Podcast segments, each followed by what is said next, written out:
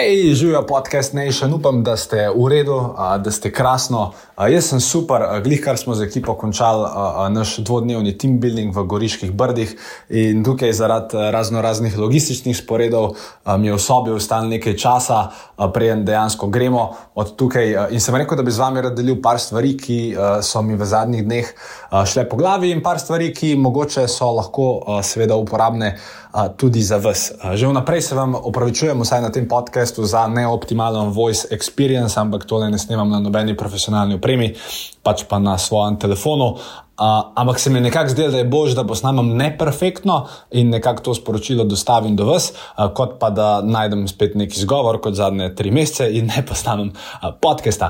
In uh, nekako, če, če grem na bistvo, kaj bi si želel danes z vami govoriti, uh, kot ste mogoče razbrali iz naslova, uh, je neka teorija, uh, ki, sem, ki sem jo razvil uh, včeraj. V Goriških brdih, ko smo z ekipo preizkušali vina. In ne, ta teorija ni prišla do mene čist tam pri zadnjem, šestem vinu, ampak že tam nekje pri, pri tretjem vinu. Zato, ker je tisti vinar, ki, ki nam je seveda potem točil tista vina, nam je pač razlagal, da, da se, se malo nas je zasidral, ne, če, če se izrazimo marketinško, ker je rekel, da iz, z vsakim spitim kozarcem vina boste vedno bolj odprti, boste vedno bolj v flowu nekega kreiranja, kar koli že s tem mislil. In dejansko, pa bo ene uh, treh. Um, Vinih uh, smo z ekipo nekako uh, se igrali igro, uh, Never Have I Ever, um, dolga zgodba, uh, pač Pogooglejte, never have I ever. Ponavadi eh, pivska igra, oziroma pač povezana z konzumiranjem pač alkohola, ki je pri roki, kar je bil v tistem trenutku vino. In, um, in potem sem se jaz nekaj spomnil uh, v tem sklopu Never have I ever. Da moram nekako vse, ker, ker se je v bistvu ta prvi dan našega team building druženja približeval koncu, da je vse en fajn, da, ker do tiste točke v bistvu še nisem nič povedal, ekipi se mi je zdelo fajn, da vseeno imam, imam nek govor, oziroma nisem se to niti sam spomnil, ampak me je Sara tako grdo pogledala v oči, pa pač rekla: Filipa, že zdaj končno že kaj povedal. Pa sem rekel: dobro, pa moram nekaj povedati. In ker sem pač uh, imel že do takrat preizkusil ene tri vina, uh, je zdaj ta ideja, ki vam jo bom predstavil, uh, prišla do mene. In uh, um, nekaj v bistvu uh, je bila to tudi ideja, ki sem jo potem dejansko delil z ekipo, uh, kjer sem jim pač povedal, da mi je res v, v veselje z njimi delati in da sem v bistvu tudi ugotovil, nekako, kaj je moja vloga v firmi in kaj si jaz kot direktor oziroma vodja za njih želim. In prej vam povem, kaj sem povedal njim, uh, uh, pa je dejansko dobra stvar, uporabna stvar. Mislim, da, je, da, da mislim, jaz tega nikjer nisem prebral, ampak nekako ker spije človek par vin, pridejo neke take razne ideje do njega. Um, in uh, prej sem seveda vam zdaj povem, kaj to je. Uh, Imamo za vas en kratek pitch, oziroma rečemo, da je en kratek update. Uh, torej, če uh, ne živite glih pod skalo, uh, je verjetno v, v mesecu aprilu 2022 našla naša, uh, uh, v bistvu največja FP branding kampanja, ki smo jo imeli. Pač, absolutno ne največja ki smo jo kadarkoli delali z našimi naročniki, ampak v sklopu pač našega Filipesek brenda, pa dejansko zdaj ta april poteka naša največja kampanja, ker smo se pač odločili, da bomo investirali nekje med 15 tisoč in 20 tisoč evrov uh, uh, advertising, uh, mislim pač budžeta v advertising v enem mesecu in da bomo enostavno uh, ljudi poskušali uh, zanimirati na tem, da bi bilo full fine, da kupijo uh, 29 mitskih newsletterjev, torej newsletterjev, ki sem jih jaz zadnja tri leta pisal vsak mesec uh, samo našim poslovnim partnerjem, VIP strankam, pa uh, v bistvu našim zaposlenim. In uh, če vas seveda ta ponudba še ni zadela, pa, se vam upravičujem, pa smo očitno porabili premalo denarja, ampak uh, če še razmišljate o tem, ne več kaj dosti razmišljati, ker bomo ponudbo še v aprilu umaknili se spleta in ne bo pa več na voljo, pa to ni zdaj nek fake scarcity, ampak to je pač dejanski, pač, dejansko se to bo zgodilo, tako da če je še april 2022, dajte res skočiti na filipesek.com pošiljnica VIP, to je filipesek.com pošiljnica VIP. Uh, in dajte prečakirati, kaj smo za vas pripravili. Pač res ponudba je nora, pač stal vas bo manj kot um, letalska karta do Barcelone ali pa do Kanarskih otokov, kar boste pa dobili, pa res neverjetno in vam lahko dejansko pomaga. Um, No, mogoče ne glede, da si kupite svoje letalo, s katerim bi pol leteli, ampak vam res lahko pomaga um, dejansko poleteti na vaši poslovni uh, in karjerni poti. Vidite, to pa je bila dobra primera. In, uh, In uh, mislim, vidite, ne, ne, ker pač poslušate podcast, ampak da morate, da ste slišali to krasno primero. To je ena stvar, druga stvar, ki si vam še želim povedati, prej prijem na to glavno temo, je, Mi se dejansko iz naših 250 kvadratnih metrov pisarn, ki jih imamo v Trzinu, v naslednjih dveh mesecih selimo v Trzin torej v isti kraj, kjer smo, ampak se v bistvu selimo v 380 kvadratnih metrov velike pisarne, a, zato ker v bistvu naša 14-članska ekipa a, zdaj počasi ugotavljamo, da nam je teh 250 kvadratnih metrov premalo in glede na to, kam se želimo iti, in glede na to, da bi, imamo neke želje, kako bi, mislim, ka, da bi se da še te naše poslovne prostore malo drugače oblikovati, a smo dejansko zdaj v procesu obnavljanja, prenavljanja oziroma koordiniranja prenovitve nekega prostora, v katerega se bomo potem v roku dveh mesecev uselili in smo pač res navdušeni nad tem, da se bo to zgodilo. In seveda, Uh, mislim, se pravi, naš 14 načela ne rabi toliko velikih prostorov, ampak ker vemo, kam se želimo do konca tega leta prijeti, ker vemo, da uh, mogoče mnogi ali poznate koga, ki bi rad prnem delal, ali pa vi radi prnem delal, a smo se nekako za to odločili, ker nekako pričakujemo, da nas bo do konca leta zaradi vsega popraševanja strank, ki ga imamo, pa vsega, kar se nam dogaja, da nas bo do konca leta 18, 19, 20 ljudi. Um, ja, se dejansko selimo in če razmišljate o tem, da bi radi delali z nami, uh, potem uh, nekako. Um, je zdaj to nek, da imamo reči, pravi vzvod, uh, ker imam jaz podzavestno v glavi, oziroma ne, zavestno, podzavestno, sorry, malo se mi mogoče še vno vino drži.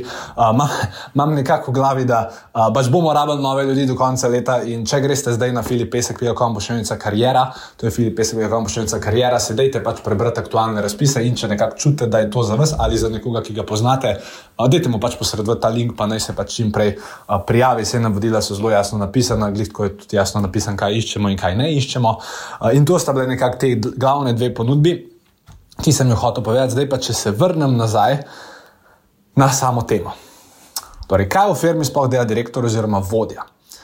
Uh, in moje spoznanje in spoznanje, ki sem ga predal nekako ekipi uh, ob tistem nagovoru, uh, je nekako to, da je moja naloga kot vodje, vsaj kot jo trudno vidim, moja naloga uh, kot vodje, kot direktorja v firmi tam da poskrbim za to, da imajo ljudje priložnost, oziroma da imajo priložnost za napredek, da imajo priložnost za osebno rast, da imajo priložnost za večji zaslužek, da imajo priložnost za pač to, da se razvijajo, to, da več zaslužijo, to, da gre njihova karijera naprej. Ker ko se pogovarjam s podjetniki, ve, vidim in vem, da največji problem večine podjetij je kader. In meni je nekako logično, da je največji problem večine podjetij kader, ker večina podjetij, se upravičujem temu izrazu, ampak je priti boring. Ker če imaš ti podjetje z tremi zaposlenimi, ki je že 16 let, ima te tri iste zaposlene in že 16 let dela isti ali pa približen promet, a se pa na leto širi z 2% rastjo. In pač posebej, če pač direktor ne zna narediti tega, te, tega črnija zanimivega, um, pač rata boring in, in je na ta način težko privabiti dober kader, ker dober kader bo želel imeti priložnosti, priložnosti za večji zaslužek, želel bo, da se nekaj dogaja, želel bo, da se nekam premika, oziroma če se izrazimo v nekem športnem žargonu. Everybody wants to be on the winning team. Nobody wants to be on the team that is same. Nazaj v slovenščino. Pač nihče ne želi biti del ekipe, ki je pač iz leta v leto v leto ista.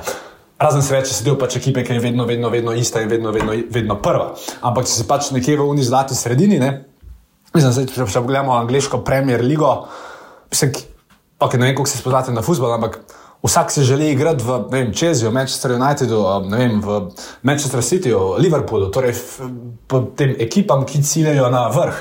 Mislim, v čem je fora, da si ne vem. Ne, vem, če bojo ta pravi primer, da si Aston Villa ali pa Everton ali ne vem, kva so unik, so tam okrog 15-16 mesta. Pač vse, kar delajo, je, da pač igrajo in glih tok so dobri, da ne izpadejo. Pač mislim, v tem, mislim, sej, pač ja, sej oni, ki dobijo 2 milijona, 3 milijone evrov, funtov na, na leto, ok, sej pa pač to narediš, ampak glede na to, da vaših zaposlenih vredno ne plačate, to, kot oni nogometaši v, v Premier League, je pač pol težko. Samo delati, delati v takih firmah, eh, se razvijati in dejansko privabiti kvalitetne ljudi za to. Uh, vsaj jaz, kako sem začel sam na sebe gledati od tega razodetja uh, sredi uh, pokušine vin. Uh, ne, mislim, da sem nekako že prevejo, sem, sem to nekako tako sistematiziral, uh, da enostavno, ja, moja glavna naloga je, da peljem firmo naprej in da poskrbim za to, da firma raste. Zato, ker če bo firma rasla, je logično, da bo posledica tega, da firma raste, ta, da se bo znotraj podjetja ustvarjalo več priložnosti. Pač, mislim, ne, če jaz poskrbim za to, da mi dobimo, ne zdaj karikiram, ali ful več naročnikov, ali ful boljše naročnike, ali da se z temi istimi naročniki zmenimo za ful bolj obsežno sodelovanje. Pomeni več prihodkov za firmo. Če to pomeni več prihodkov za firmo, pomeni več, več kapitala, ki ga lahko damo v kader, pomeni več priložnosti, več nekih odgovornosti, več nekih projektov, oziroma ne vem, reč, projektov z višjo dodano vrednostjo, ki jih lahko vodijo naši team memberi itd.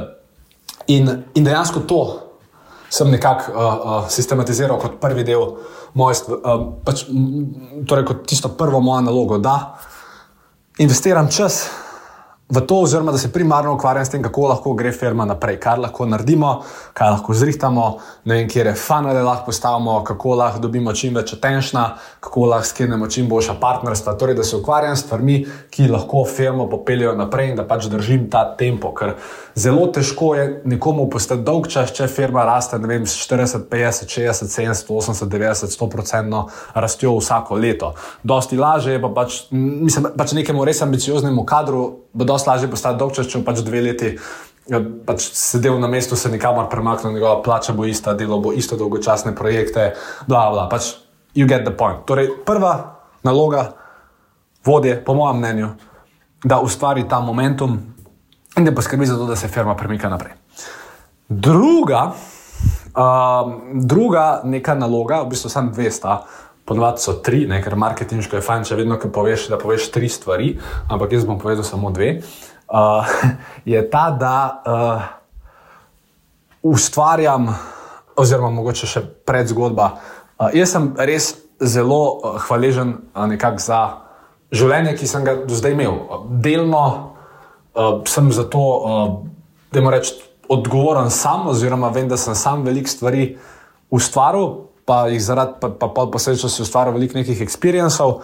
Veliko je bilo pa tudi neko, pač, ne vem, neko srečo na ključu, oziroma nekaj, kar so mi mogoče dali starši, oziroma tista glavna stvar, po mojem, ki sem jo dobil od staršev, je to, da sta pač imela dovolj denarja in sta pač pri mojih 18 rekla: Filip, če si ti želiš iti v Ameriko študirati in če rabiš nekaj denarja, ki ti ga moramo mi vedeti za sabo, ker ga ti pri 18 letih, da moraš nimaš, izvoli, tukaj imaš ta denar, pojdi v Ameriko. Um, In dejansko vse, uh, vse te neke stvari, ki sem jih jaz doživel, od tega, da sem z, vem, od svojega 12 do 18 leta z slovensko košarkarsko reprezentanco v naši kategoriji, da sem veliko potoval, pa da sem videl veliko sveta, pa da sem pošel študirati v Ameriko, pa sem tam veliko stvari videl. Do tega, da sem pošel na milijon, mislim, na ogromno enih izobraževanj, spoznal veliko ljudi. Do tega, da pač, ker sem se na ta način nekako pozicioniral na slovenskem trgu, sem zelo hiter dobil pogled in stik do res uspešnih slovencev, pa sem jih lahko intervjuval, pa se z njimi srečal, pa se z njimi pogovarjal. In vse te, uh, plus to, da recimo sem v svojem privatnem poslovnem času hodil na zelo zanimiva potovanja po svetu, bla, bla, bla, bla, bla.